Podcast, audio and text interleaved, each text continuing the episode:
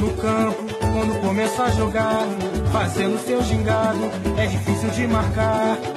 Fita pra ali, fita pra lá, fita pra cá, com a bola nos pés, ninguém consegue. Ele sabe fintar. Fita pra ali, fita pra lá, fita pra cá, com a bola nos pés, ninguém consegue lhe roubar. Med de gyldne toner af Julio Cesar, Udi Geller og Adilio er vi klar til endnu en gang brasserbold. Og i dag, Peter, det er den 1. maj, og udover det er arbejdernes internationale kampdag, så er det altså også en helt, helt, helt speciel dag i dag, og det synes jeg, det, det tager vi hul på med det samme, lige inden vi hører, hvordan det er øh, gået hos os i, i den forgangne uge. For det er nemlig i dag 25 år siden, at Ayrton Senna han døde på Imola-banen. Og det er jo noget, der bliver markeret øh, inden for motorsportsverdenen over hele verden, og specielt i, øh, i Brasilien, for Ayrton Senna er Øh, nu siger jeg nemlig er, fordi øh, for mange brasilianere er han ikke taget fra dem endnu, men er en af de aller, aller, aller, aller største sportsudøvere, som er født på, øh, på det sydamerikanske kontinent og det store brasilianske land, og han bliver forgudet den dag i dag. Det er det første punkt, vi skal snakke om, Peter, og så skal vi jo faktisk også runde, med, øh, runde en anden person, som, øh, som også øh, trækker, tiltrækker sig opmærksomhed i Brasilien og verden rundt. Det er nemlig Neymar, og inden vi går i dybden med det, så kan folk måske nok gætte sig til, hvad, hvad det handler om. Og så runder vi selvfølgelig også sammen med Neymar, hvordan det går for det brasilianske landshold PT. Så skal vi også en, øh, en tur til FC Nordsjælland og Liga på P3, har jeg skrevet her på mine øh, papirer. For det er jo faktisk en, øh, en tidligere øh, fodboldspil, som har spillet i Superligaen, altså nærmere betegnet FC Nordsjælland, som rent faktisk topper topscorelisten i Brasilien her efter første runde i den brasilianske liga. Og det synes vi jo her på Brasserbold, det er enormt spændende og meget sjovt. Og så slutter vi af med lidt nyheder fra Copa Libertadores, og ja, hvad vi ellers har på, på hjertet her til sidst i, i podcasten, når vi kommer dertil. Men Peter, øh, inden vi går i gang med det her herlige program, og vi skal høre nogle skiller med Aton Senna og lidt fodboldråben bri og hvad der nu ellers hører til, så skal jeg høre, hvad har du lavet den forgangne uge? For jeg ved jo, som sædvanligt har du været ude se en masse fodbold, og vi har jo glædet os som små børn til juleaften, fordi den brasilianske liga, den begyndte jo sidste weekend. Ja, det er rigtigt. Jeg har været ude at se uh, spille en, øh, en ungdomskamp øh, U17, og så har jeg også set en, en, en masse kampe her på, på tv. Ikke?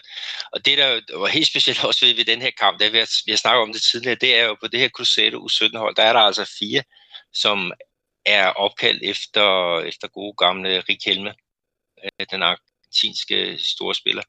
Øh, og det, det, det bringer jo altid lidt smil på, på læben, når man, når man ser den der opstilling. Og så ellers, så med, med Cruzeiro-brillerne på, ikke, der var det jo glimrende, at deres U20-hold de kvalificerede sig til pokalfinalen. Faktisk at slå øh, Flamengo, som jeg regnede med var, var favoritter til at, at tage øh, øh, den titel.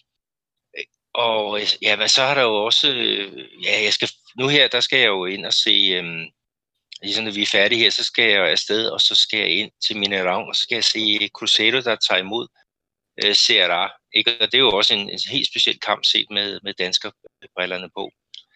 Så ja, så er jeg ellers bare glad over, at CRA er kommet i gang, ikke? og du må jo også have, have armene op efter den, den kanonstart, som, som vi var ude for. Det kan du tro, jeg har. Jeg havde en, øh, en, en festlig, festlig lørdag.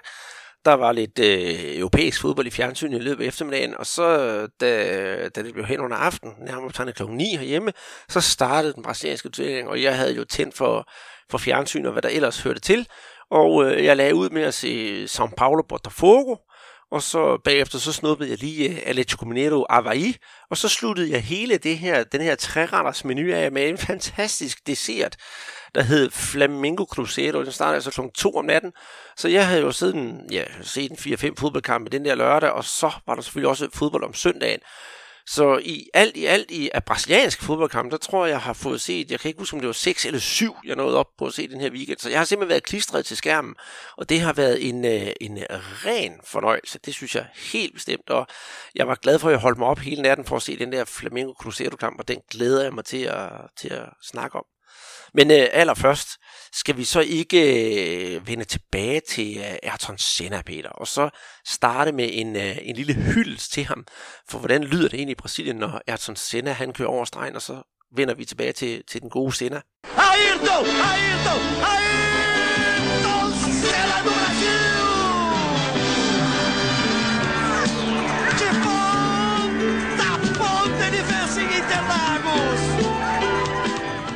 man bliver næsten helt godt humør af at høre det her øh, Ayrton Senna hyldest, kan vi godt kalde det, Peter.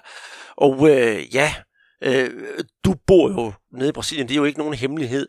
Jeg ved selvfølgelig godt, hvordan det er, men hvordan, øh, hvordan har, har, har folk så snakket i dag om, om, om den store Ayrton Senna, som forlod os her for, for 25 år siden? Ja, man bliver jo selvfølgelig mindet på alle øh, lederkanter. Ikke? Altså, det er jo øh, Stanis øh, Elsborg, som, som øh, er en af vores, vores rigtig gode øh, venner øh, hjemme i Danmark. Han har jo faktisk på, på sin Twitter-profil, der har han så skrevet, at få mennesker er synonyme med de brasilianske farver, ikke? og det er så Senna og, og Pelé. Og, og mere præcis kan det jo ikke øh, udtrykkes. Ikke? Og, og i forhold til, øh, nu har jeg jo en datter på, på fem år, vi ser jo en del børne-tv øh, her, øh, det skal ikke være nogen hemmelighed. Og der er sådan en lille serie, der hedder Seninja, der handler om en, en lille klægt, som øh, er god til at køre bil. Og det er selvfølgelig Ayrton Senna i en, i en mini-udgave, tegneserie øh, udgave. Ikke? Og den kører altså stadigvæk her øh, 25 år efter. Og, øh, og i dag, der skal øh, Corinthians øh, spille en, en kamp, den, den anden i, i, i Serie A. Og øh, der lancerer de øh, øh, faktisk en, øh, en trøje øh, til ære for, for et andet stort idol. Men, men tidligere, der havde de jo gang i en, en trøje med, med Ayrton Senders øh, logo på. Ayrton, han var jo kæmpestor Corinthians-fan og havde øh, kæmpe flag med, med klubbens logo øh, med, når han rejste verden rundt og, og scorede en masse Grand Prix point. Ikke? Men, men øh, den trøje, den, den er simpelthen gået som øh, varmbrød, og, og jeg ved, der er mange folk uden for Brasilien, som gerne vil have fingrene i sådan en der, men den, indtil videre så bliver den så kun solgt, i hvert fald i den originale version her i, i Brasilien. Men øh, øh, der er sådan altså Sennas Foundation, øh, som bliver styret af hans, hans søster. øh, de har, har lagt sådan en, en stopper ned og sagt, vi, vi, indtil videre vil vi kun sælge den i, i Brasilien. Ikke? Men øh, jeg, jeg tror, den bliver sluppet løs over grænserne på den tidspunkt, fordi Atacenas Institutions, eller hvad det hedder, de, de laver, altså de kan godt bruge masser af penge. Øh, de har gang i en masse projekter. Så på den måde, så, så lever hans navn i, i bedste velgående. Og jeg kan fortælle, at, at når du er ude og køre bil, for eksempel, der er jo masser, der kører på, på, på motorcykler, på knaller og sådan noget der. Og der er en gang, så må jeg lige stoppe op og sige, at det, det skulle da Ayrton Sennas øh, hjelm, øh, som, som øh, kører der foran. Øh, så jo, han bliver mindet på, på alle lederkanter. Ja, og jeg ved også, at i, øh, i, i, nede i de lokale, hvad kan man sige, øh, aviskiosker og sådan noget, der har man så mange gange sådan nogle store øh, plakater hængende udenfor med klistermærker, man kan købe til at hænge på, til at hænge på bilen, og der er der altid en hel side kun øh, med Ayrton Senna ting, om det er hans hjelm, eller det der berømte Senna S, som, øh, som er meget karakteristisk. Det har jeg selv haft på min bil, så jeg, jeg har da også selv hoppet med på vognen. Og jeg skal lige sige, inden vi går videre i den her sendersnak, nu nævner du Stanis Elsborg, og han er faktisk en, øh, en, en lidt vigtig person med, med det her, fordi han er nemlig den øh, person, der har lavet øh, den hjemmeside, der hedder idrætshistorie.dk, der omhandler alt øh, inden for ja, historie og idræt. Så der, det er nok det er også derfor, han kommer med den hyldest til til Ayrton Senna. Men generelt også, nu vi snakker om Senna, ud over den trøje, som, som du snakker om, jeg skal jo være ærlig og sige, jeg har to. En jeg bruger, og en jeg skal gemme. Øh, den er ikke pakket ud endnu. Øh, så har Corinthians jo også tidligere hyldet øh, den gode Senna, og det har vi også snakket om tidligere i podcasten, men jeg synes, vi skal nævne en, en gang til, Peter, for der var jo for et par år siden, hvor hele Corinthians hold, de gik jo på banen med Ayrton Sennas styrthjelm på og stod under nationalsang iført den der karakteristiske styrthjelm, som selvfølgelig er bagefter, at de skulle til at spille fodbold. Men på den måde så får Ayrton, øh, Øh, Ayrton også lov til at leve videre i Corinthians, ligesom Corinthians og, øh, har været en del af, af Ayrton Senna, da han kørte. Og nu siger du også det der med, at øh, de skal sælge trøjen i, øh, det kunne være en god idé at sælge den i udlandet, så det kan generere nogle penge. Så vidt jeg er orienteret, og folk må godt hænge op på det bagefter, hvis det ikke passer, men jeg tror stadigvæk, den holder stik, at øh, Ayrton Senna er den afdøde sportsmand i hele verden, der stadigvæk donerer flest penge til gudgørende formål.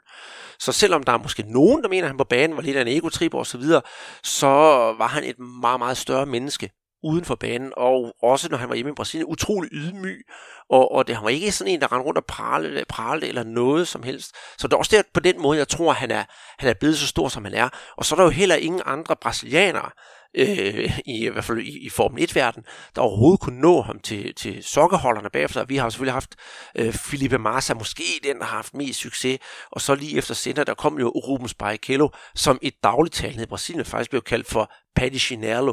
Det vil altså sige sutskofoden, fordi når man kører rundt med sutsko på, så kan man ikke finde ud af at tråde på speederen, og det blev hans kælenavn. Men for at vende tilbage til Corinthians og det fodboldmæssige, Peter, så det, du nævnte før, det var jo, at den anden store held fra Corinthians, det er jo øh, Ronaldo, altså den rigtige Ronaldo i, i vores øjne. Og øh, han har faktisk fået lavet en, øh, en, en Corinthians trøje, som øh, vi forhåbentlig får lov til at se Corinthians spille i, fordi den synes jeg faktisk er rigtig flot, og den overvejer jeg også at se, om jeg kan få fingre i på en eller anden måde, så jeg har endnu en øh, sådan special trøje til min samling. Ja, men jeg mener faktisk, at den bliver lanceret her i dag, hvor de øh, spiller hjemme mod øh, Corinthians. Øh, det er 10 år siden, at Ronaldo han han kom tilbage til brasiliansk klubfodbold. Ik- ikke, for hans, ikke til hans gamle klub Cruzeiro, men, men derimod til Corinthians. Og, ja, og det, det blev markeret på, på den her måde med, med en trøje, der minder om, om den, som, øh, som øh, de spillede med i 2009. Og han har faktisk, for et par dage siden, der var han så øh, på Corinthians anlæg og præsentere øh, trøjen sammen med en, en spiller fra det herlige herre øh, professionelle hold og for, for det kvindelige professionelle hold. Og øhm, øh, han, er jo, han er jo en voksen øh, mand, og, og øhm, øh, han fik jo også vist, at den, den kan findes i, i større størrelser end, end øh, XL. Men han fik også i den forbindelse sagt, at hans øh, drøm et eller andet sted, det er også at blive præsident for Corinthians, og det kunne han jo godt se sig selv i den rolle om 5-6 år. Men, lige i øjeblikket, der har han jo en, en øh, projekt kørende i, i Spanien, som, som sikkert tager rigtig meget af hans tid, men øh, lurer mig, om, om der ikke er tætte forbindelser med, med ledelsen. Og jeg tror så ikke, de har, de har glemt ham i, i Corinthians, og han er jo stadigvæk også et stort navn i, i, i Brasilien, selvom han også dernede bliver mobbet en smule med, med, med sin vægt. Han har, de brasilianere, de har jo kunne se ham i fjernsynet som, som er ekspert eller kommentator, til, til visse fodboldkampe, det kan man så mene om. Man ved, jeg synes ikke, han klarer det synderligt godt. Så det er måske bedre, at han holder sig fra, fra medierne på den måde, og så har sine andre projekter. Og hvis man øh, har lyst til egentlig at høre mere om øh, fænomenet, som han øh, jo bliver, stadigvæk også bliver kaldt, så vil jeg anbefale, at man går ind på øh, mediano.nu og så bare søger på Ronaldo, så kommer der faktisk et, øh, en fremragende podcast af Adam Møller Gomara, der hedder simpelthen Mediano Legends fænomen Ronaldo, og øh, det synes jeg, det er virkelig værd at høre. De går simpelthen gennem hans karriere fra af hans spæde barndom til, ja, til dagen i dag. Og, og grunden til, at jeg sidder også og reklamerer for den, den podcast, det er, at vi har jo egentlig også haft en finger med i spillet med Peter, så jeg kan ikke undgå at sige, at den er fremragende. Men det er i hvert fald god lytning til at høre netop om, om den, den person, som vi kalder den rigtige Ronaldo, fordi der har både været Ronaldinho, Ronaldo, og så er der jo Cristiano Ronaldo, men for mig, der er den rigtige Ronaldo, det er altså stadigvæk fænomenet. Ja, jeg er helt enig i, i den betragtning. Men øh, det, det er i hvert fald øh, dejligt at se den måde, som de brasilianske klubber, øh, de minder deres, deres, øh, deres helte, og uanset om det er, er Formel 1-kører, eller det er, er øh, tidligere verdensmester. Øh, det, det er noget, som vi, vi alle sammen kan lære noget af. Det burde også være noget, man kunne tage lidt op i de, øh, i de danske klubber. Og nu vi nu øh, snakker om det der med kan man sige, heltene i, øh, i Brasilien, om det, en, om det er en motorkører, eller motorsportskører, eller det er en fodboldspiller, så synes jeg, vi skal gå videre til at snakke om en, der er ret så aktuelt, eller aktuelt, og øh, ja, det er måske knap nok til den festlige side, så jeg tænker på, om vi lige skal, skal inden vi går i gang med at snakke om, øh, om Neymar, og hvad han har bedrevet i Frankrig, skal vi så ikke lige uh, skylle halsen med en uh, kold Guaraná? Det lyder som en god idé. Guaraná Antártica. De Maués para as suas mãos. Bora lá! Så er vi tilbage efter den her lille pause og en, øh, en kold Guaraná. Og nu skal vi jo til at snakke om, om noget meget, meget aktuelt, Peter. Og inden, øh, inden vi er gået i gang med at optage her, så havde vi jo sådan et skriveri frem og tilbage, hvordan og hvorledes. Fordi det skal jo ikke, øh, der skal jo ikke lægge skjul på, at der har været en uheldig episode med Neymar nede i Paris at han har, ja, for at sige det mildt, givet en, øh, en tilskuer en, en, på, en på lampen. Og det øh, har jo sådan breder sig som, som ringe i vandet, og ringene bliver større og større. Og det jeg først øh, tænker på, det er jo ikke så meget en pågældende situation, Peter, men, øh, men egentlig om, om, om Neymar, han er begyndt at være ude på, øh, øh, ikke sådan i, på, på, på alt for dybt vand, men sådan på, på, på halvdybt vand. For når jeg går tilbage og kigger i, i vores podcast, for eksempel, hver gang vi snakker om Neymar, så i mange af tilfældene, faktisk i 9 ud 10 tilfælde, så om, omhandler det nogle øh, Neymar i en negativ retning, i stedet for det positive, hvor vi skal rose ham for det flotte spil, det, øh, alt det han gør uden for banen og sådan noget, så ender det altid med at blive sådan en, og, som, som en hund i et spil kejler, fordi vi kan jo godt lide ham, og samtidig så gør han alle de der ting, som er lidt, åh, her forkert på en dum måde. Øh, hvordan ser man på i Brasilien på den der situation med, at han har langet ud efter en tilskuer? Ja, det, det er man selvfølgelig ikke tilfreds med, og der, der er rigtig mange, der, der selvfølgelig siger, at, at det er, um, det er jo sådan en gentagelse på gentagelse, øh, hvor han, han ikke får, formår at, at holde den den ro, øh, som, som man egentlig skal have, når man er, er sådan en, en højt fætteret stjerne. Ikke? Og, øhm, og den her pågældende situation, ikke, der har de jo så tabt pokalfinalen øh, til Rennes, og så på vej op og skulle hente den der øh, hvad er det, anden pladspris. Øh, der går de op ad nogle trapper, og der er så en, en fan fra Rennes, som, som provokerer spillerne, og så har han så også fat i, i Neymar, og, og øh, det ser ud som om, at han i starten virker som om, han vil tage et, et billede af Neymar, sådan selfie-agtigt der, ikke? ikke? Og, og Neymar stopper op, og så finder han så ud af, at, at egentlig så er han, han i gang med at blive, blive fornærmet. Og så kommer den der, den der øh, hvad hedder det, knytlæve, som man lige dasker op på, på, på hagen af, af den her supporter. Og det, det, det ser jo hammerne dumt ud, og, og nu ligger det til, at han får en, en karantæne, ikke? og det er jo også fair nok. Øhm, men det, man også snakker om hernede, det er jo, at, at, øhm, at øh, Neymar, når han får den her karantæne, den her supporter, som står der og, og provokerer i den grad, han burde altså også øh, have en straf, der kunne, som, som man kunne, kunne mærke. Men, men det, det, det er jo det, altså alle er, er ude efter Neymar, og han har jo selv udtalt, at, øh, øh, øh, jeg har skrevet på hans Instagram-profil, ikke, om er jeg forkert på den? Øh, siger han, ja, det er jeg, men jeg har ikke blod som en kakelak. Og det er jo det, når du er skuffet over at have spillet 120 minutter og tabe på en straffesparkskonkurrence, så står der en eller anden og, og, og gør grin med dig. Det, det, det var mere, end hvad han øh, kunne holde til. Og derfor så kom øh, reaktionen. Og den er et eller andet sted menneskeligt set forståelig, men øh, som professionel øh, iskold forretningsmand, så, så, så burde sådan noget ikke øh, kunne ske. Det, det sker desværre med, med Neymar. Det gør det, det gør det. Og, og, og spørgsmålet er måske, om det også får konsekvenser på det brasilianske landshold. Nogen siger måske ja, øh, og, og det tror jeg også, du gør, men, men jeg kunne egentlig godt have min tvivl, Peter. For hvis jeg må sådan vende lidt tilbage og, og kigge tilbage til historien, så Chichi, han har jo i den tid, han har været landstræner, og han har jo sådan forsvaret Neymar med, med, med, med alt, hvad han kunne.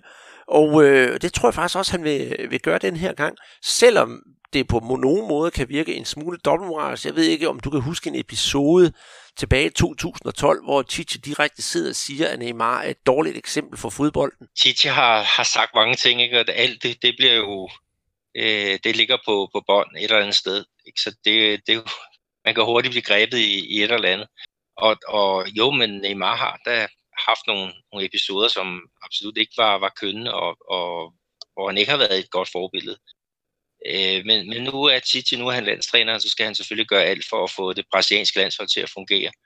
Og det, det bliver så med, med Neymar på, på holdet. Øh, hernede, der snakker man om det med, med Douglas Costa, som i en kamp for Juventus spyttede en, en modstander Øh, jeg kan ikke huske, om det var hovedet eller hvad det var, men, men der valgte Titi så at se bort for ham øh, til den næste landsholdsudtagelse. Øh, om der kommer en eller anden øh, straf for, til Neymar på, på grund af det her, det, det øh, kunne jeg egentlig godt forestille mig. Ikke i forhold til, at han, han bliver holdt ude af, af landsholdssammenhæng, men jeg tror faktisk godt, at hans anførbind øh, det, det, øh, det ryger øh, nu. Og om det er, er rimeligt eller hvad, altså det, det synes jeg et eller andet sted, øh, det, det må være. Øh, det var således, at efter VM, så valgte Chichi at sige, okay, jeg dropper det der rotationsprincip.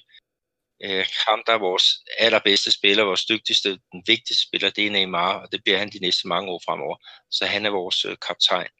Øh, men det, der kunne jeg godt forestille mig, at der kommer en, en en lille øh, justering på, på det, ikke? og så må anførbindet på, ja, enten på Miranda eller, eller øh, måske øh, Thiago Silva eller øh, Casemiro.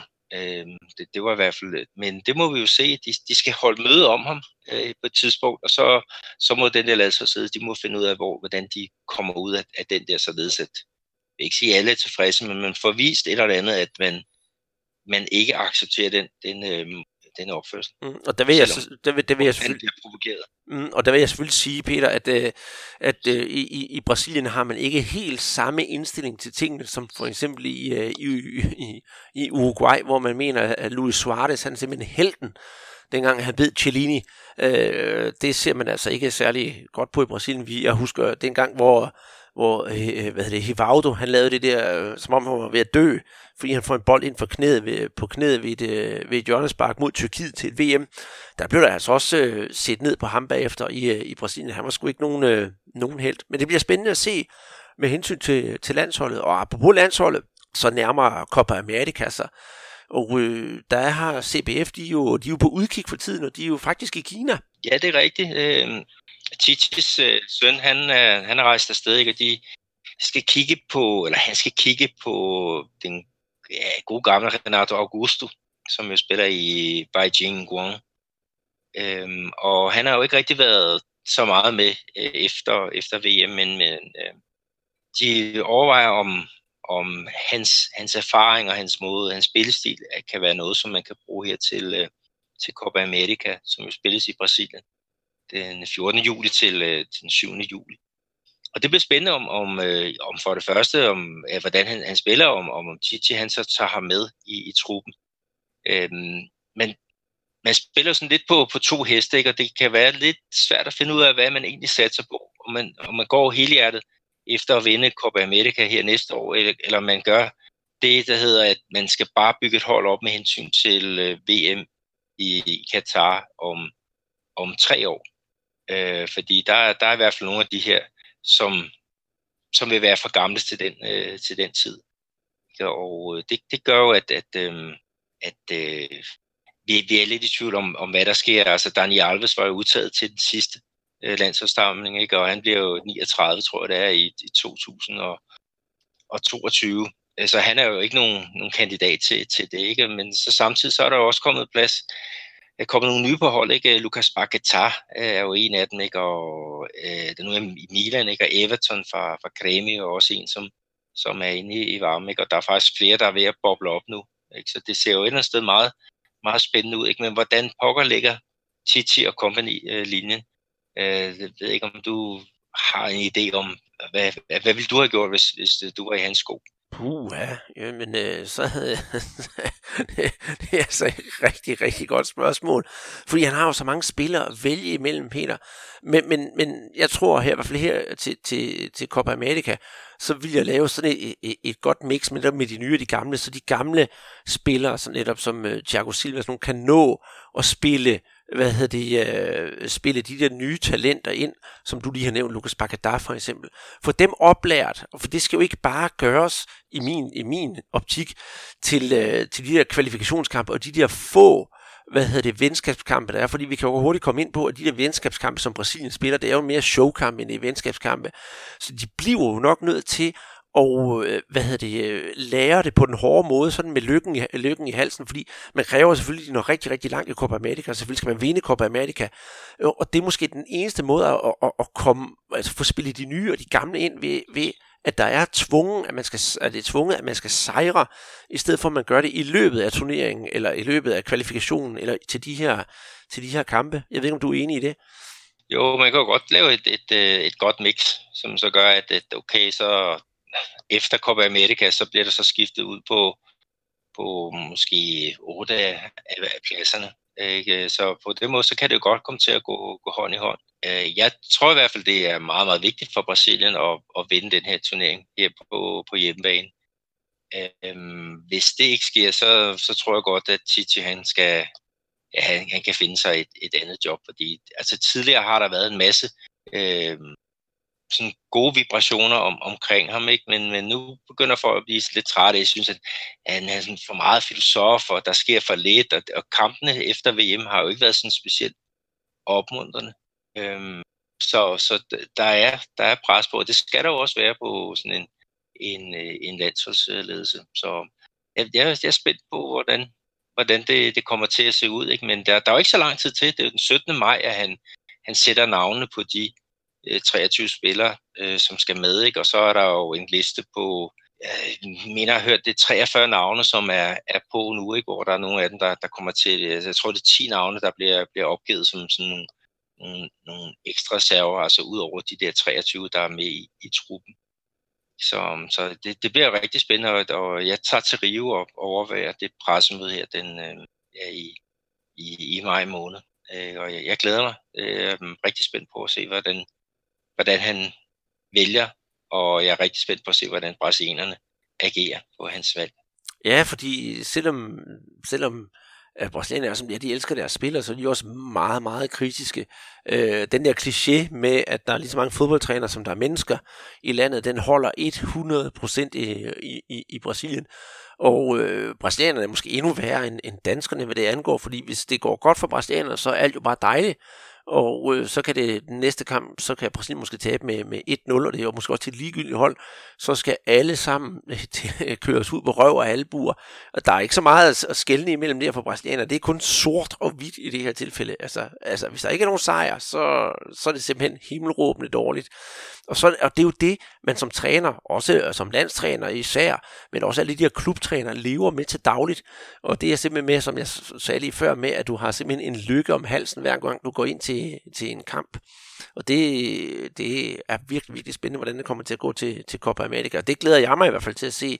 Der kommer et brag af en masse festlige kampe fra det sydamerikanske kontinent, og jeg lover, jeg er derude, dem der kommer til at se det, at øh, selvom der måske bliver eksperimenteret hos Brasilien, eller der måske også bliver gået Argentina eller Uruguay, så skal der nok være kamp til stregen, og hvad de kæmper røven ud af, ud af bukserne og til blodet sprøjter, i hvert fald når Argentina, Brasilien og Uruguay møder hinanden, for man vil bare ikke tabe. Længere er den altså ikke. Nej, det er, jo, det er jo rigtigt. Så. Men hvis vi snakker om det der med det positive, nu er her ikke noget, vi snakker om det negative med, med Neymar, men han er jo meget længere fremme nu, end han var for et år siden op til, op til VM. Øh, han har jo spillet ja, de 120 minutter her i pokalfinalen, øh, scorede et mål og lagde op til et fantastisk mål af, øh, at det var Daniel Alves, der satte det ind. Og så var han iskold i øh, straffesagskonkurrencen, hvor han, hvis han havde brændt, så havde øh, Paris, så havde de øh, tabt øh, finalen. Nu, nu tabte de den så på, på det næste spark, øh, og det er så det. Men, men spilmester ser Neymar øh, faktisk rigtig øh, god ud, så så det, det må vi også øh, give ham. Det skal vi ikke glemme her i, i den her ja, den her frustration, som, som vi alle sammen er, er ude i, når vi ser, at han, han laver de der øh, Præcis. små jernblødninger undervejs. Præcis, for vi skal også hylde den store spiller, han er. For det, det er han virkelig, og han er også stadigvæk et kæmpe, kæmpe, kæmpe stort idol i Brasilien, og man regner også med, at det er ham, der skal, skal løfte den næste VM-pokal for, for Sambalandet.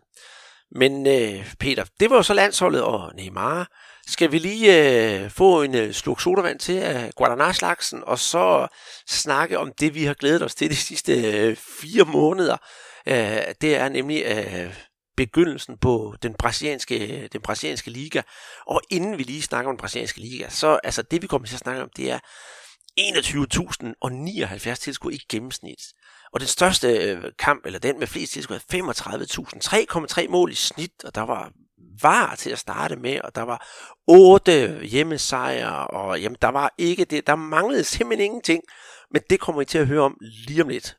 Ayrton! Ayrton! Ayrton! Cela do Brasil! De ponta ponta de Fencing Interlagos! Og bedst som I troede, at I skulle høre en uh, fodboldskiller, så blev det en ægte give den gas skiller med øh, den kære Ayrton Senna igen, fordi ham kan vi jo næsten ikke lade være med at hylde. Men nu vi skal jo til at snakke om, om, om, om Serie A, Peter. Og hvis der er en, vi skal hylde her, så er det jo faktisk øh, den øh, mest danske brasilianer, vi kan finde i den brasilianske liga. Og øh, det foregår nemlig oppe i øh, ja, Becharterland. Så har vi jo to brasilianske danskere, som øh, kom, kom på banen i dag.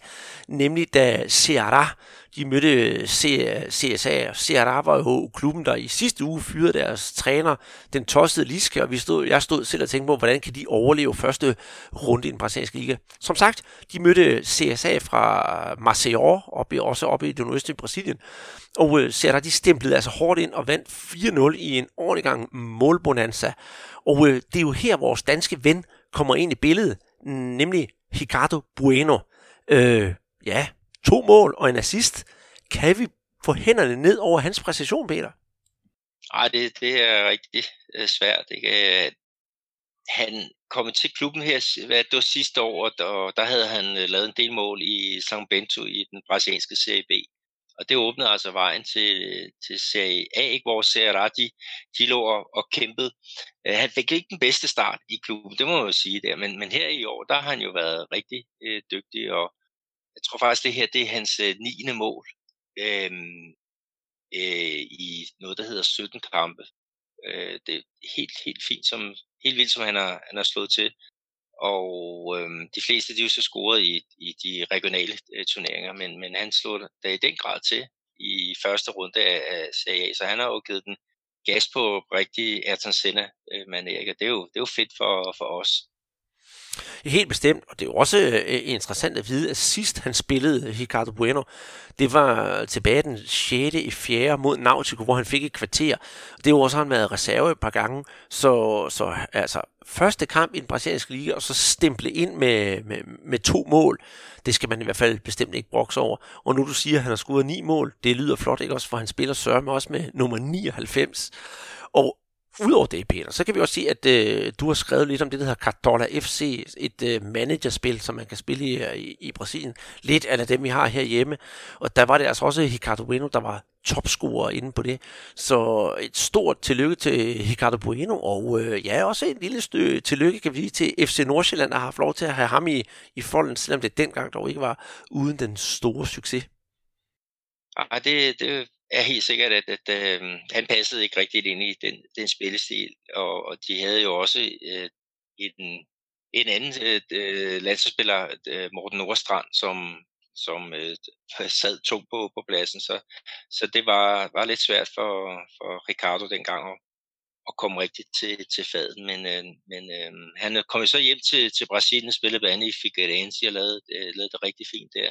Så har der været nogle flops øh, undervejs, men, men øh, i sige, to ud af tre klubber, der har han gjort det rigtig godt, og, og det er jo fedt også for Ceará, den nordøstlige øh, Brasilien, ikke? Som, som hænger lidt typisk øh, i den brasilianske sag. Det er fedt, at de, at de har nogle, nogle målmager. De, vi, vi vil jo godt have, have ligesom ryddet lidt op i det den dominans, som der er hernede i, i, ja, fra, fra klubberne i det, ja, det øh, det sydlige og ja. Brasilien, ja. som vi kan kalde det det. Jamen, jeg er, fuld, jeg er fuldstændig enig. Så er det jo bare lidt synd, at de vinder over et andet nordøstbrasiliansk hold. Det, det, må man jo, det må man jo så tage med. Men som sagt, øh, de der CSA, de var jo oprykkere.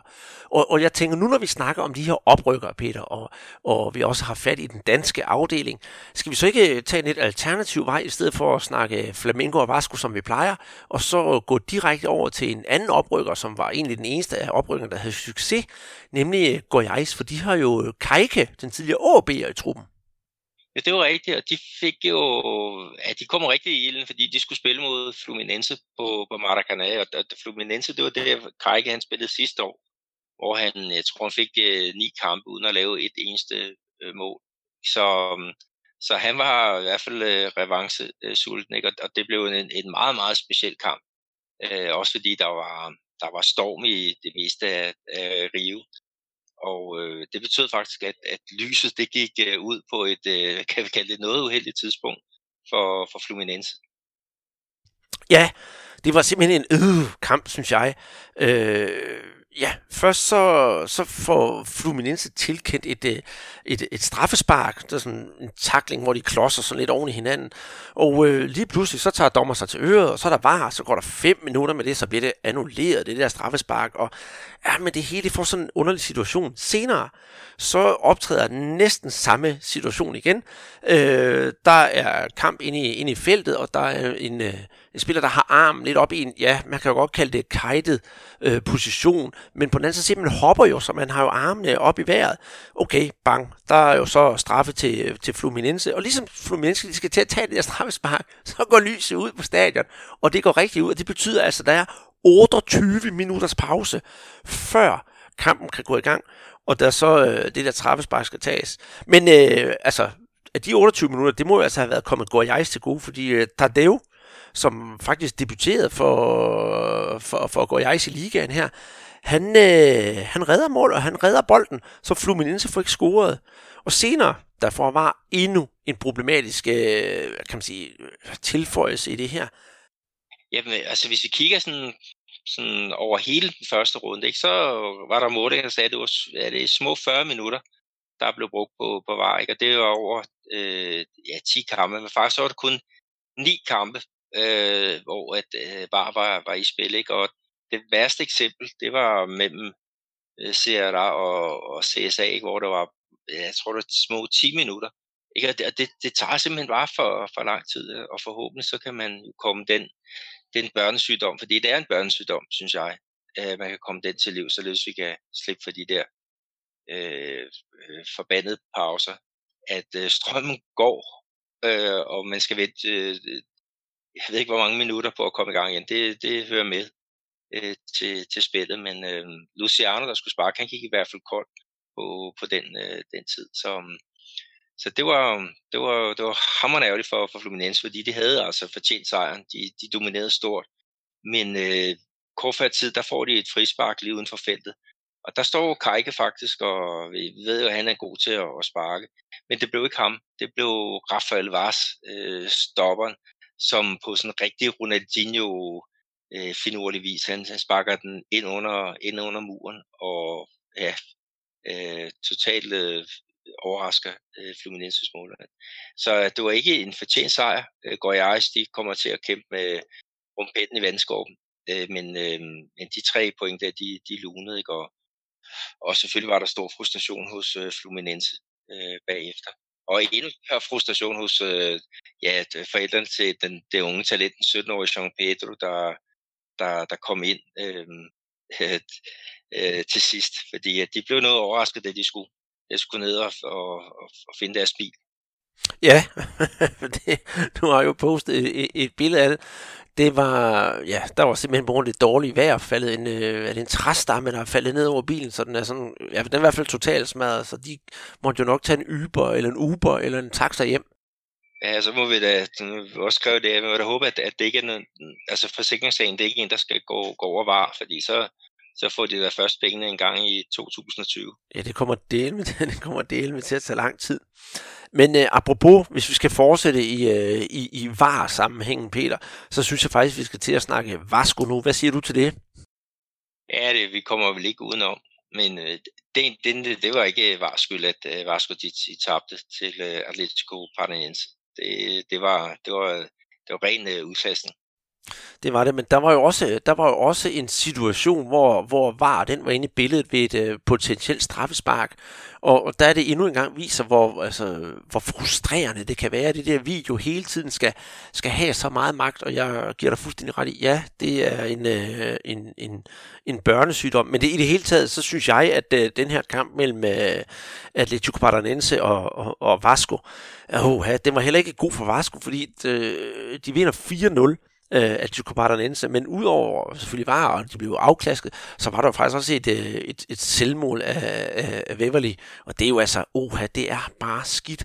Og jeg synes, øh, at øh, for dit vedkommende, det må være frygteligt at se Vasco nærmest sådan smuldre i, i ligaen allerede i, i, i den første kamp. Jeg ved ikke, om at du begyndte allerede at afskrive dem fra nu af, bare for at se det her øjebliksbillede af, af, af dem fra 4-0 sejren, eller 4-0 nederlaget til Atletico. Ja, det var, det var så 4-1, så det var ikke, ja, undskyld, det var ikke ja. helt sort. De fik lige reduceret til aller, aller sidst. Men, men øh, nej, altså det, det Atletico Paranaense må bare rose. Det er et fantastisk godt hold, og de spiller øh, på, på hjemmebane på deres øh, kunstgræsbane, hvor de blandt andet har slået Boca Juniors med, med 3-0. Øh, Vasco har kæmpe krise. Øh, de har um, fyret deres træner for, for kort tid siden. Det er deres U20-træner, der, der tager over. Øh, og der er nogle, nogle problemer på, på, på ledelsesgangen. De får ikke betalt lønningerne sådan lige til, til tiden. Så, så der er bare en masse ting, øh, der, der ikke spiller for, for Vasco da Gama. Og der var de jo så et, et let, øh, let offer. Ikke? Så, men jeg vil lige sige det der med, med VAR. Altså, der var et, et straffespark, der blev hvad, tilkendt øh, Atletico Paranaense. Øh, det var så det andet i, i kampen. Så Hudja Væsker. Øh, men det, det blev så det blev så annulleret, og det var faktisk en, en korrekt kendelse. Øh, jeg, jeg synes ikke, der var, var straffe der. Det er ikke, fordi jeg har bare skulle briller på. Men, men det, der, der synes jeg virkelig, at, at, øh, at den der øh, kom... Det var en, en god hjælp til, til dommeren lige i den her situation. Men, men igen, altså, øh, vi kommer til at snakke rigtig meget øh, domme, øh, og, øh, og det er synd, fordi at, at øh, vi fik en fremragende øh, begyndelse på, på den her øh, turnering. Altså, der blev scoret 33 mål til 3,3 i, snit. Øh, der var i, i gennemsnit på over 20.000 øh, tilskuere. Øh, der var underholdende fodbold. Øh, der var nogle spændende resultater indimellem. Ikke? Øh, og, og, og der skal man skulle være et skarn, hvis man bruger for meget krudt på, på var. Øh, øh, var en, en del af, af spillet, og, og sådan, sådan er det. Øh, og, og børnesygdomme, de er et eller andet sted til for at overkomme. Så jeg, jeg er sikker på, at det skal, det skal nok gå. Jeg vil i hvert fald være frustreret, hvis, hvis vi skal bruge rigtig meget tid på at snakke var de, de næste mange øh, udsendelser. Øh, så, så vi, jeg synes, vi skal kigge det på det positive, og så, så sige, at det der, det skal nok rette sig, sig ind. Det er i hvert fald, de fleste af tilfældene, der er det altså fejl, der bliver, bliver rettet øh, til, det, ja, til, til det bedre. Og, øh, og det er jo positivt selvom det tager tid. Det er, det er helt rigtigt. Skal vi øh, fokusere på noget andet positivt, så vil jeg da gerne vende ned til, vende til vende blikket mod en kamp, som skete i det sydlige Brasilien, netop øh, uh, Gremio, der mødte øh, Santos. Gremio, de har været sådan lidt uh, svingende her i, uh, i, i foråret, og vi håber jo alle sammen på, at de kommer tilbage og, viser de kræfter, de kan. Men de mødte så selv uh, Santos, som jo også er et, uh, et hold, man skal, man skal regne med som værende et, der gerne vil spise, spise kirsebær med de helt store. Og øh, det startede jo faktisk med, at øh, jeg, kan ikke, øh, jeg kunne ikke helt huske, hvad han hedder, men der var en øh, sådan en slags caretaker for, for, for Grimno, som har været det i ja, de sidste 50-60 år. Han var så gået bort, og øh, for at, at, at, at lave sådan en, en hyldest til ham, så spillede de alle sammen med sørgebind med billedet af ham, og så i stedet for at holde et minut stillhed, før kampen gik i gang, så havde man besluttet at holde et minuts klapsalver. Det synes jeg var meget, meget øh, festligt gjort på en eller anden måde, og, en, og gjorde en sørgelig begivenhed knap så sørgelig, fordi selvom det er trist, at manden er død, så er det på en måde og en god måde at hylde ham på for det, han har, han har gjort på klubben. Men øh, jo, de kunne altså ikke øh, gøre det samme på banen, og så give ham en hyldest. De måtte altså lide et øh, 1-2 nederlag til, til Santos. Og øh, det, jeg synes, der egentlig er interessant ved den her kamp, det er, at Santos, de har jo fået Eduardo Sasha i folden, en en øh, spiller, som vi to, Peter, har snakket enormt meget om her de sidste øh, ja, par år i podcasten, fordi han har jo spillet for International, hvor han var en øh, stor profil, og han banker den altså ind øh, allerede efter 6 minutter for, for, for Santos. Øh, at det, jeg tænker på, at det er sgu da en god handel, de har fået gjort her, hvis de kan få ham tilbage i den form, som vi har set i ham i, da han var, kan man sige, på sit højeste for, for International, så kan det godt øh, gå hen og blive ret farligt med ham op i front. Ja, altså han har spillet i, i Santos i tror det er over et år nu. Så, så han har jo allerede vist øh, nogle gode takter, men, men var meget ude sidste år, hvor de jo havde Gabi Goal øh, som deres, deres foretro øh, angriber. Men øh, jo, men han har, han har en masse øh, øh hvad hedder det, issues med, øh, med Grêmio, ikke? Og, og da Grêmio de blev, blev mester her for nogle ja, øh, var det, det var, det, de blev regionalmester sidste år, der slog det jo øh, ja, nu kan jeg ikke huske, om det var. Men der var det i hvert fald således, at Luang, som er deres store spiller, ikke anden anden, øh, da han blev interviewet, der, der fortalte han jo, at, at Grêmio er campion, ikke? Og, og så at øh, Sasha, han var en, han var en cousin, altså i et røvhul. Ikke? Det, det, det brugte han lige sin taletid til. Ikke? Så, jo, så de, de har et eller andet kørende, øh, de to, øh, de, de to parter der, ikke? og så, så var det jo fint nok, at, at han fik taget revanche, øh, den, den kære Sarsen, men de kom jo foran øh, 2-0, ikke? og så ellers så må de jo bare, øh, så må de jo kæmpe øh, mod overmagten, fordi Grimme var det bedste hold, og havde sindssygt mange chancer, men Vanderlei i målet, han, han stod øh, fantastisk. Og så i ja, kort før tid, så er det jo så er det Everton, der er sådan på finurlig vis for, for at sig fri ind i feltet, og så får han så, så udplaceret. Ikke? Men, men der var løbet altså kørt. Det, det lykkedes ikke at få et point der. Så en, en god skal for, for Sampaolis øh, øh, drenge. Det, det var helt sikkert, fordi Grêmio, det, det er et, et, et hold, vi, vi alle sammen regner med kommer, kommer stærkt. Santos tvivler jeg lidt mere på, men det er fordi, de, de mangler nogle, øh, deres trup er ikke så stærk igen. Nej, det er rigtigt, men det er, som jeg sagde først, så øh, det er jo nogen, der, der kan overraske og gerne vil spise, spise kirsebær med store, og det var altså over 32.000 mennesker, der var inde og se den øh, kamp i, i, øh, på Arena Gremio, så det, øh, det var rigtig, rigtig flot. Og ja, øh, lidt øh, ja, underholdende affære. Det var det, vi godt kunne lide, Peter. Nu kommer vi jo, nu kommer vi jo til, til, til det positive, som vi skal snakke om, nemlig. Øh, jeg vil så gerne gå videre til Flamingo. Jeg ved ikke, om øh, du er klar på den? Og det, det var vel rundens allerbedste kamp. Det kan vi ikke komme udenom.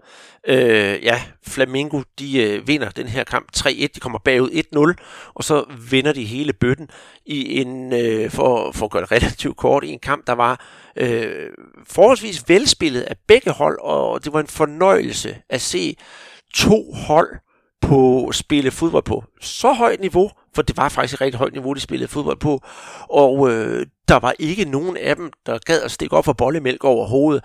Om, øh, altså nu kommer jo Flamingo bagud, jamen, så skal de jo op og have et mål, og de kæmper og kæmper og kæmper, kommer foran. Cruzeiro kæmper, kæmper, kæmper, kæmper. Så der var ikke nogen, der gav op, og der blev kæmpet til, ja, altså nærmest så, så blodet stod ud af fingrene på dem, og det var en fremragende kamp, og virkelig, virkelig underholdende. Og det var så Flamingo, så må jeg sige, der trak det længst at stå, og jeg synes faktisk også, det var, det var fortjent. Også da kampen blev fløjtet af, det kommer vi også lige til nogle ting, der skete der, der var ikke rigtig nogen af de her uh, Cruzeiro-spillere, der sådan brokkede sig helt vildt på vej ud. Jeg lagde mærke til Fred, farlig Fred, han blev interviewet, da han gik ud, og han sagde bare, jamen sådan, sådan var det nu bare, og, og, og, og det måtte de jo så lære at leve med. Og det er jeg egentlig glad for, at han har den holdning, fordi jeg synes, Cruzeiro gjorde en rigtig, rigtig flot profil af sig selv. Øh, de kunne måske godt have vundet kampen, det var ikke det, men, men, men det skete jo altså bare ikke. Og så Flamingo på hjemmebane, det er altså ikke helt nemt foran de der, ja, hvor var der næsten 40.000 tilskuere. Nej, det var også været, det, de går foran ved Pedro Rocha på en gennemspilning af, af Frage øh, i, i første halvleg, og så får Flamengo udlignet på, på mål af Bruno Enrique, som, øh, ja, som udnytter faktisk, at øh, Fabio Cosellos rutinerede målmand, han, han går, går fejl af en, en, en bold. Og, øh, og Bruno Enrique og så Gabi Gold, det er, det er i hvert fald et af de farligste øh, tandepar, vi har i, i brasilianske øh, fodbold. Og, og det viste i anden halvleg, øh, der Bruno Enrique øh, får, får puttet den ind til 2-1, og så har han også en chance for at, at, at score til, til 3-1, men der får Fabio, der får han revanceret lidt øh, for pareret skud, men så ryger den ud til Gabigol, der, der så putter den ind. Så, så der, der var ikke så meget at, at sige til, til den. Altså to fantastisk stærke hold, to uh, titelkandidater.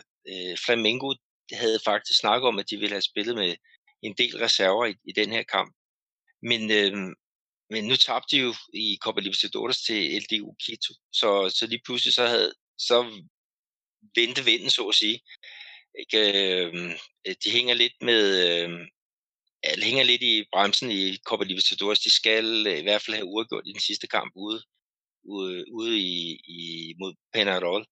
Så, så de, der var de altså ikke kolde nok til at sige, at vi kører bare videre. Altså der, der var det virkelig vigtigt for Flamingo at få en sejr her. Mm-hmm. Og det fik de også. Mm-hmm. Ikke? Og det var det, det var den vel ondt. Og jeg skal jo sige, at rygterne gik jo også dernede, at hvis øh, grund til, at de stillede med stærkeste hold fra Abu Bragas side, det var, at de, de onde tunger sagde, at hvis øh, så frem at Flamingo tabte den første runde her mod Cruzeiro også, og havde tabt, øh, eller sat point til, og tabte i sidste Copa Libertadores kamp, så, øh, hvad hedder det, øh, så var han ikke træner, når ugen var omme. Men altså, han har fået bevist, at, at han kunne nu, undskyld, spiller den her, for sine spillere til at spille den her fremragende kamp. Jeg skal også sige, Peter, at det første mål med Cruzeiro scorer, de har jo knap nok fået armene ned, før bolden er i mål igen. Der går et minut fra Cruzeiro scorer i 40 minutter, 41 minutter scorer, scorer Flamingo. Men øhm, øh, til sidst i, øh, i kampen, så øh, begynder folk, og de vil gerne have Flamingo-spiller øh, Juan ind på banen, eller Juan, ind på banen, for Juan han er efterhånden fyldt 40 år. Han har spillet i øh, tysk fodbold, og i øh, Besiktas har han også været i, og, og haft flere kampe på det brasilianske landshold, og er lidt af en øh, legende i Flamengo, for det var der, han startede sin, øh, sin karriere. Og øh, lige efter Gabigol han scorer, yes, så vælger de at skifte øh, Juan ind, og der virker det som om også, at Cruzeiro har givet lidt op. De ved godt, hvad klokken har slået, og de er også med og lader Juan få sin, øh, sin fortjente hyldest. For det ender med, at Flamingo sidder og spiller, de spiller sådan lidt småbold øh, nede i de bagerste række, og hver gang øh, Juan han får bolden, så går folk fuldstændig amok inde på stadion, og han bliver hyldet, og da kampen er færdig, så han, render han rundt og tager sin ærestur, og tro det, eller lad være, Peter, så lige pludselig, mens han er ved at blive interviewet, hvem står så ved siden af ham? Det synes jeg, du skal have lov til at fortælle, for du ved det jo godt. Ja, det var et, øh, det gamle keeper Julius Caesar, som fik en, en tilsvarende oplevelse for, for et år øh, tilbage. Øh, en, en afskedskamp på, på Maracana. Så det, det var stort, at han havde taget øh, flyet fra, fra Portugal, hvor han, han nu øh, bor, ikke? Og, og, og så var med til hans øh, sidste kamp. Øh, det, det var rigtigt, han spillede i tysk fodbold. Vi skal også huske ham fra de kampe, han spillede i, i Roma. Øh, der er han også øh, et, et, et øh, kæmpe navn. Så, men, men hvad det omkring 70 øh, landskampe for Brasilien.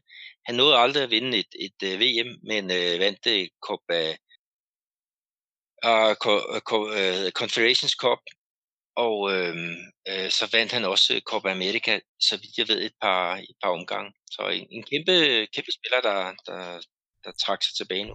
Og jeg skal lige... Så, så, så er det også jeg vil lige eh, korrigere dig en lille smule for Julio Cesar. Han nåede faktisk ikke at se hele kampen. For så vidt jeg kan forstå, så var det vist lidt af en pludselig indskydelse, for han var jo nærmest kommet direkte fra lufthavnen, og så havde siddet inde på stadion og skyndt sig ned for at være, være, være sammen med, med, med Juan. Og så kan man selvfølgelig spørge sig selv, hvorfor fik han lige pludselig så meget, så meget tv-tid? Og det er simpelthen fordi øh, Julio Sasser og, og Juan, de har været venner siden, øh, hvad hedder det, de spillede, næsten spillede småbold for Flamengo hele ungdomsrækkerne, og alt det der har de været venner hele vejen igennem. Så nu skulle de alle sammen ud og holde fest, og den ellers sådan lidt lidt, øh, lidt tilbageholdte, og, tilbageholdende og sådan lidt mutte Juan. Man kunne tydeligt se, hvor glad han var for, at hans ven var kommet helt fra, fra Lissabon, og så bare lagde armen om ham der på stadion. Fantastisk oplevelse. Øh, det, det, det synes jeg helt bestemt. Og øh, ja, som sagt, øh, Flamingo, de klarer sig rigtig, rigtig godt, og er klar til den næste opgave, som jo allerede er her om ja, puha Peter, der er en halv time til kick-off, så vi skal til at, skynde os, for jeg skal jo ind og se den her kamp. Det bliver rigtig, rigtig spændende, når de skal møde øh, International, som det gik knap så godt for her i den første runde. Nej, det er jo rigtigt. Øh, de spillede ud mod Chapecoense, der som jo har øh, jo Rolin, den tidligere OB i, i stallen, ikke? men han, han er ude med, med en skade. Øh, men International, de, de, de kørte simpelthen er udskiftet øh, hele, hele startformationen til, til den her kamp. Så, så de, øh, de, jeg vil ikke sige, det var overraskende, men, men øh, de tabte altså 2-0 til, øh, til Chapecoense øh, nede i Chapeco, og øh, det var der ikke rigtig noget at sige til. Det var, det var en investeringsbold. Det var Everaldo, som, som lynede to gange. Første gang på, på, på et straffespark, som, som jo lige skulle rundt om kontroltårnet, inden at det blev øh, helt frigivet. Men, øh, men et elendig start for, for International, og elendig øh, for, for mit Cartola, fordi jeg havde altså tre øh, profiler fra International med i min startopstilling. Blandt andet Paulo Guerrero. Ikke? Men, øh, men øh, der blev jeg snydt, og øh, det må jeg jo bare tage ved lære af. Det kan være, at de slår til her i aften, Peter, hvis du stadigvæk har ham på de hold. Øh, af andre nævneværdige kampe, så synes jeg også, vi, skal, vi kan jo ikke undgå at komme forbi øh, Paumeters, som øh, bankede Fortaleza med, med, med, med 4-0. Og det vi, det, hvis jeg skal kommentere lidt på det, det er ikke fordi, jeg kunne se så meget fra den, fordi der er altså nogle ting med nogle tv-rettigheder og, og, og Paumeters, som ikke spiller lige for øjeblikket, da Palmeiras ikke har forhandlet færdig med O Globo, som ejer faktisk alt tv i Brasilien, der viser fodbold. Øh, så de viser kun øh, øh, nogle gange visse højdepunkter, de viser også øh, pokalturneringen, og så vælger man at vise nogle af kampene per meters på grund af modstanderne, de spiller, for, øh, spiller mod, for ikke at, øh, at modstanderne ikke skal have tv-tid. Det er sådan lidt sparet øh, affære. Så derfor øh, er det begrænset, hvor meget parameters der er fjernsynet lige pt. Og nu du også snakker om det der øh, Cartola, det der managerhold. Man kan ikke vælge nogle spillere fra parameters. Øh, når man skal spille det her. Og det er jo, det er jo sådan lidt underligt, men sådan er det nu engang. Ja, jeg kan så sige, at, at øh, det rigtigt, bliver hverken vist på, på Globo eller Sport TV, som ligesom er, er, er deres forlængede arm.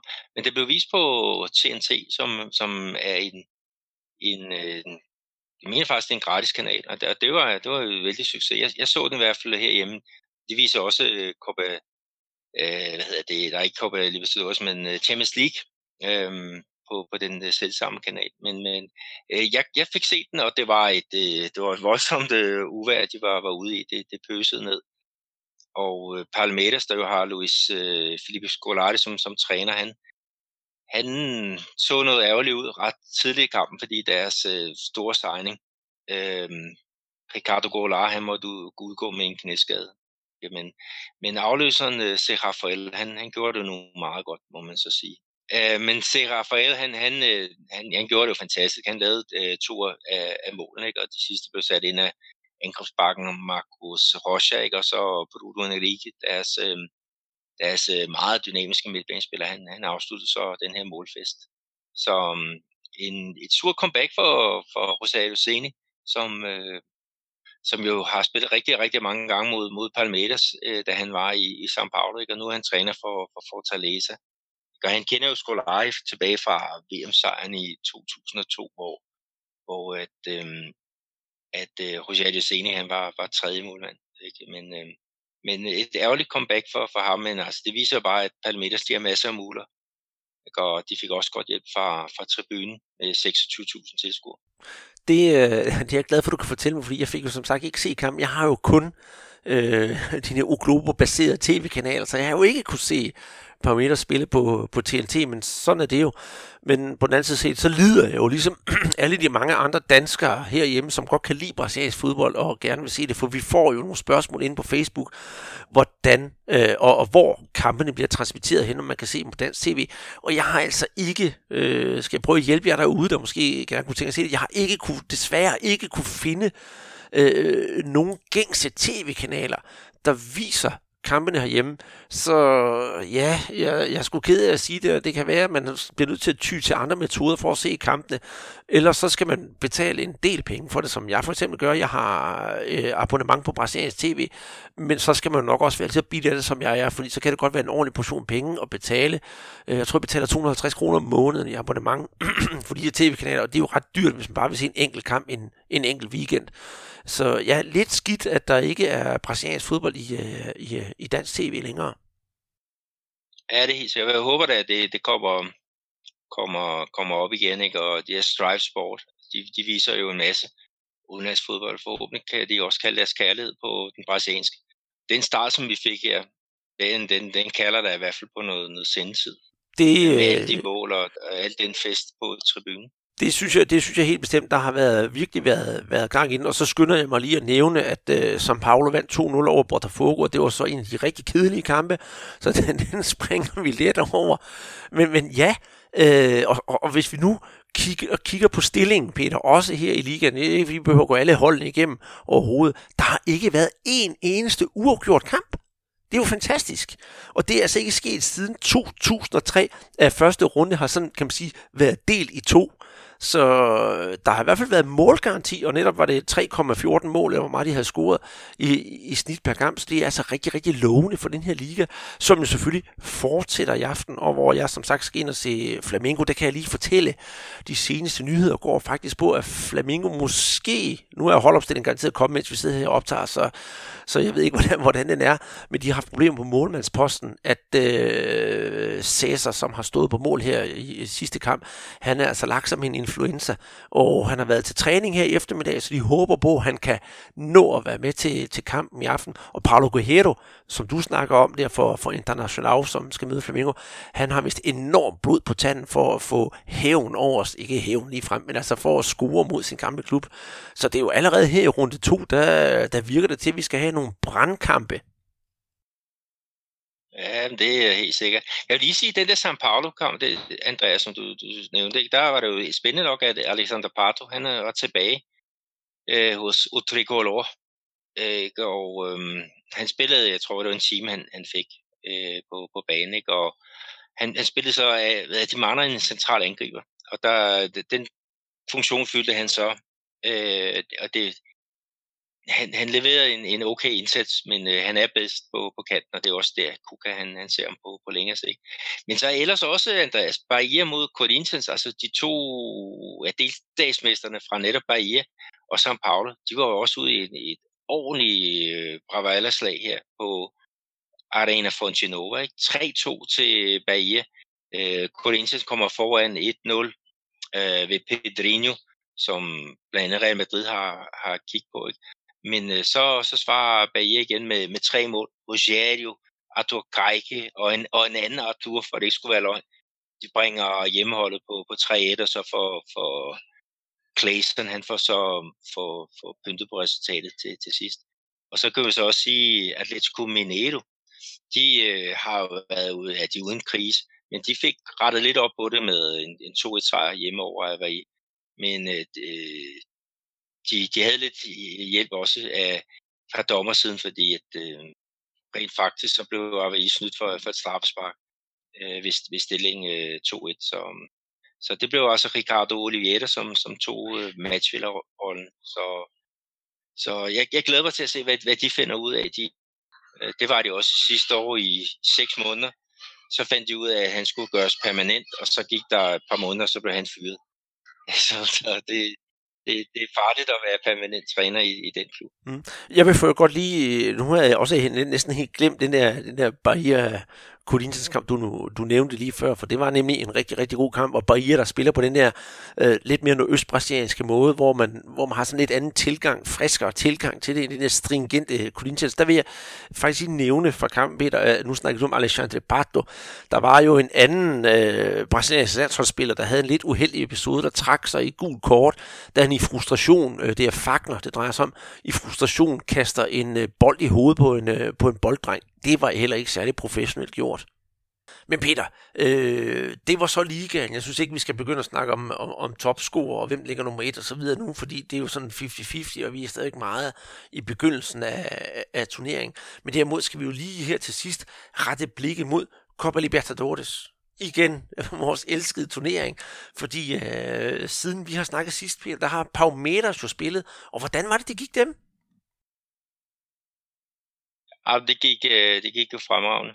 Øh, de kvalificerede sig til, øh, øh, til 8. finalen faktisk med, øh, med en runde igen.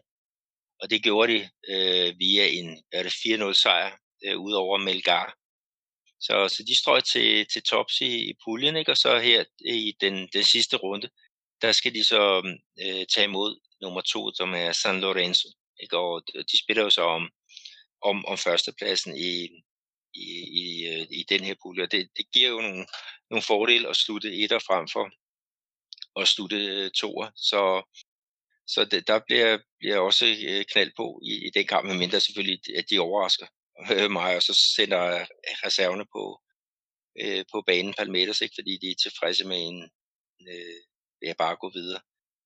Øh, men øh, men øh, det, det er jo fint, og det er jo, det er jo godt, ikke? Altså, fordi vi har jo alligevel en del øh, brasilianske øh, hold, der, der er videre. Ikke? Der er International for, for pulje A, øh, Cruzeiro fra pulje øh, B, de er videre. øh, Flamingo i Pulje D, de hænger jo lidt med, med den berømte lægemsdel i, i Vandskov, men de skal vinde ude, eller de skal have et point ude mod Penarol for at være, være sikker. Ikke? Og det kan jo godt blive vanskeligt. Så har vi jo Atletico Mineiro, som, som allerede er øh, ude, ikke? og de skal spille mod Zamora i den sidste kamp om, om tredjepladsen, som giver adgang til Copa Sudamericana, den, den mindre. Og øh, i Venezuela, der er der jo problemer med, med oprør øh, det ene eller det andet sted, så, så vi er jo lidt spændt på, om, om den kamp den, den bliver spillet her tirsdag den, den 7.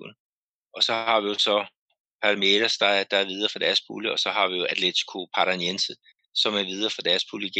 Og så den sidste, der, der er Grêmio, der må de jo næsten være favoritter til at, at, at gå videre, eller, eller hvad siger du til, til det? Jo, oh, det synes jeg, øh, de skal møde, øh, hvad hedder det, Universidad Católica.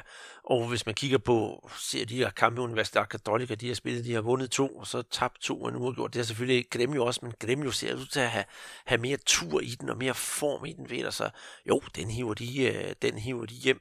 Og øh, ja, det er endda på hjemmebane, så må ikke, at øh, Renato Gaúcho, Øh, han trækker den store, kan man, det store smil frem og sørger for, at de her spillere, de bare skal få øh, kæmpe netop også røven ud af bukserne for, at de skal jo bare videre Copa Libertadores med favoritter. Ja, det er det helt bestemt.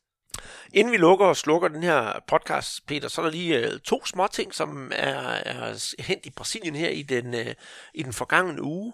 Hvis øh, jeg ligger ud, så er det jo sådan, vi har også mange gange talt om, at øh, det tv-program, der hedder Show der Vida, tror jeg nok det hedder, Fantastico hver søndag, de øh, gennemgår ligaen, og så bliver alle, øh, så gennemgår det med, med, med, med sådan en dukketeater, en eller anden slags med nogle heste, der kommenterer, der er hest for, en hest for hvert hold, og de snakker med dialekt fra den pågældende klub osv. osv., der står og snakker med tv-verden, og så til sidst, i, øh, i programmet, når de har stillingen, i stedet for at man har sådan en ganske almindelig tabel, som jeg har hjemme, så fungerer det ligesom sådan et hestevedløb. Det er faktisk ret underholdende at se på. Og så løber de der dukkeheste, øh, som sådan, ja, så nu fører et par meter, så lige bagved, der kommer bla, bla, bla, bla, bla. Så går man lige igen igennem på den måde, og det er faktisk ret morsomt. Øh, og øh, det har man altså taget sådan lidt mere seriøst i, øh, i Rio, og der har man så på øh, den store jockeybane i Rio, der holder man en gang om året det store, øh, hvad hedder det, det, store, det store derby, hvor øh, alle klubberne er repræsenteret. Jeg ved faktisk, jeg skal være helt ærlig sige, jeg ved ikke om klubberne, selve klubberne, om de har nogle repræsentanter med, men hvor man tænker, så er der 20 heste med i det her vedløb, og hver jockey er klædt ud i, øh, i, i en spillerdragt fra den pågældende klub, og øh, i år, der får vi også se, om det kommer til at afspejle sig i ligaen. Der var det altså Bahia, der vandt øh, derbyet år 2019, og det øh, tegner jo godt for østbrasiliansk fodbold, hvis det skal fortsætte på den måde. Men det er altså bare sådan en lille morsom historie, at øh, man har ført, ført et tv-koncept ud i, det, ud i det virkelige liv. Ja, vil, vil også sige, at, at de, der, de der heste, de er meget, meget populære rundt om på, på stadion, hvor du kan købe den der hest i, ja, nu her, øh, jeg skal jo se Crusado her om, om lidt, og der, der kan jeg jo finde en i blå, blå Crusado, tror jeg ikke, og hvis jeg skal se Atletico Mineiro, så bliver det sådan en, en strivet, øh, sort-hvid strivet Atletico øh, trøje. Det, altså, de findes bare i alle versioner, og øh, de, de er fantastiske hyggelige med de der to, to fortænder, der, der stikker ud. Ikke? Så det, det, det, det er festligt, at det, det også er blevet til rigtige travheste. Ja, det synes jeg. Det, det synes jeg helt bestemt. Og, og, og de så endda også bragte det i fjernsynet. Det synes jeg også var, var, var endnu sjovere, især fordi jeg interesserer mig ikke så meget for hestesport. Men lige der, der, der, der fængede det mig for, for en gang skyld. Og jeg ved ikke, om det bliver sådan en lidt, øh, lidt corny, eller lidt, lidt, øh, lidt, lidt plat overgang til, til, til det næste, lidt mere triste emne, for det drejer sig nemlig om øh, en øh, brasiliansk sangerinde, der var tilknyttet Botafogo, og hun hedder faktisk også Carvalho til efternavn, gør hun ikke? Jo, det er Beth Carvalho. Uh, hun døde her øh, i går var det den, den 30. april. Øh, hun blev så bare 72 år. Men, men uh, en kæmpe uh, samba-sangerinde her i, i Brasilien. Og uh, hun vandt blandt andet flere Grammy'er med, med hendes uh, musik, og, og uh, var kæmpe fan af, af Botafogo. Uh, så så jeg vil foreslå, at vi, vi slutter af med sådan, og ja, ligesom vi er sender øh, i starten af programmet, så kan vi så ære hende i, i slutningen af programmet med faktisk en øh, melodi, som er, er, er på til fokus, øh, jeg ved ikke, hedder det slagsang, eller på portugis, der hedder det hino. Øh, deres klubsang må det jo være. Ja. Og øh, den, den giver han jo på, på, på en god version. Hun blev kaldt uh, Madrinha do Samba, altså sambaens øh, gudmor som 72 år, øh, øh, fantastiske sanger. Det, det håber jeg, man kan, kan høre ud af, at, at det, vi, vi slutter af med her. Og så kan man jo gå ind og høre det ind på, på, finde hende inde på Spotify, for der ved jeg, hun er inde. Og der er vi for øvrigt jo også, Peter. Så hvis man øh, øh, hører, sit, øh, hører Spotify, så kan man gå derind også og finde vores podcast. Og vi er også på for eksempel TuneIn, hvis man øh, bruger den som øh, sin øh, radioapp. Og så er vi selvfølgelig inde på, på SoundCloud og iTunes og ja, generelt alle de der podcast-app, man nu kan finde. Og øh, når man nu er derinde og hører os, så især på iTunes, gå ind og giv os nogle stjerner derinde, så vi kan komme endnu bredere ud, og så endnu flere kan høre om, øh, om brasiliansk fodbold. Skriv gerne en anmeldelse hvis du kan lide os. Det vil vi blive rigtig glade for. Og øh, man kan også gå ind på tier.dk, hvis man har lyst til at give os en lille skæv per afsnit. Og så er der jo inde på vores Facebook-side, hvor øh, jeg skriver en del, og du skriver enormt meget, Peter, hvor man virkelig kommer nogle nyheder og inden for, for brasiliansk fodbold. Og så er der selvfølgelig også øh, vores øh, Twitter-profil. Og husk nu, husk nu, stil os endelig spørgsmål for vi vil gerne svare på alt mellem himmel og jord, bare det omhandler brasiliansk fodbold, så er vi klar, og vi kan nok svare på det meste. Og øh, jeg ved godt, jeg inde på, øh, inde på Facebook har snakket om med en, at vi skulle snakke lidt om São Paulos Talentakademi, og øh, bare roligt, det er ikke glemt, vi skal nok runde det i en anden podcast. Og med det siger jeg, Andreas Knudsen og øh, Peter Arnhold, tusind tak for denne her gang, og vi ses forhåbentlig igen i næste uge. Esse é o Botafogo que eu gosto. Eu gosto, eu gosto. Esse é o Botafogo que eu conheço. Que eu conheço. Tanto tempo esperando esse momento, meu Deus. Deixa eu festejar.